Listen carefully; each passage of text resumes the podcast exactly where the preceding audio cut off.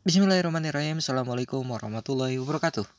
Inilah pod podcast pertama Dries, majalah remaja Islam Dries lengkapnya. Jadi sesuai dengan namanya, ini adalah sebuah majalah.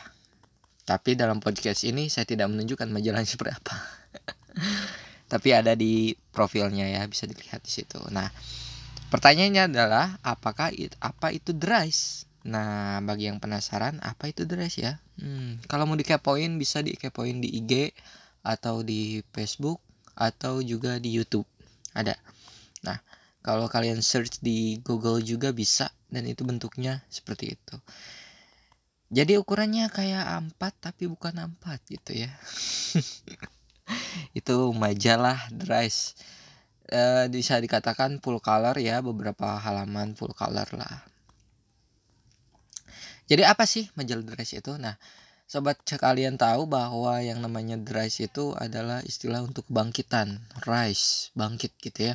Nah, ini diharapkan bahwa remaja Islam itu bisa bangkit gitu.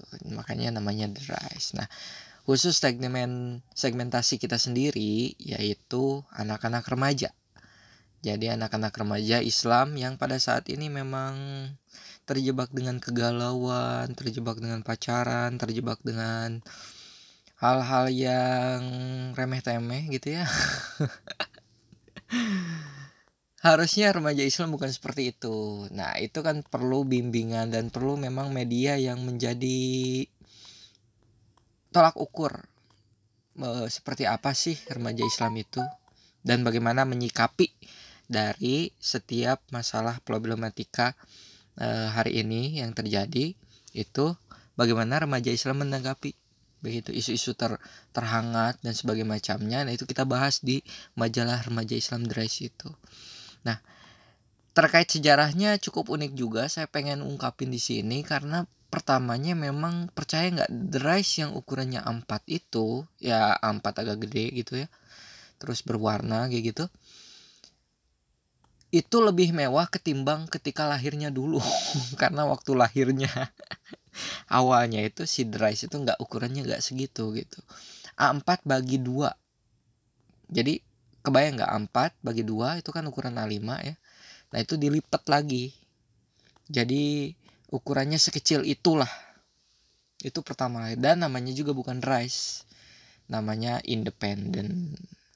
Nah itu cikal bakal yang namanya rice nanti kita akan ngobrol-ngobrol sama panding fathernya tapi itu permulaannya. Dan lebih parahnya lagi apa? Bahwa ukuran sekecil itu bentuknya fotokopi lagi. Yang namanya memulai ya apa pun harus dilakukan gitu daripada nggak mulai-mulai. Nah itu ukuran seperti itu teman-teman istiqomah ngisi e, nulis di situ dan kita istiqomah nyetak dan alhamdulillah responnya positif sampai sekarang bisa sebesar ini. Dan sudah sampai 80 mau 90 edisi mau 100 edisi udah. Wah luar biasa. Saya ingat pertama kali ke Bogor itu tahun 2011an situ dan 10 2011 kita mulai ke Bogor dan mulai cetak The Rise. Nah mudah-mudahan kita harapan sangat berharap banget bahwa The Rise ini akan jadi media remaja yang bisa uh, membimbing remaja khususnya remaja Islam gitu. Jangan sampai ke bawah-bawah sama media barat jangan sampai ke bawah-bawah sama uh, hal yang nggak baik lah dari itu. Ya mungkin kepedean kita kepedean atau apa tapi memang majalah yang fokus untuk remaja itu kayaknya cuman derai saja. Oke nanti bisa dicek lah.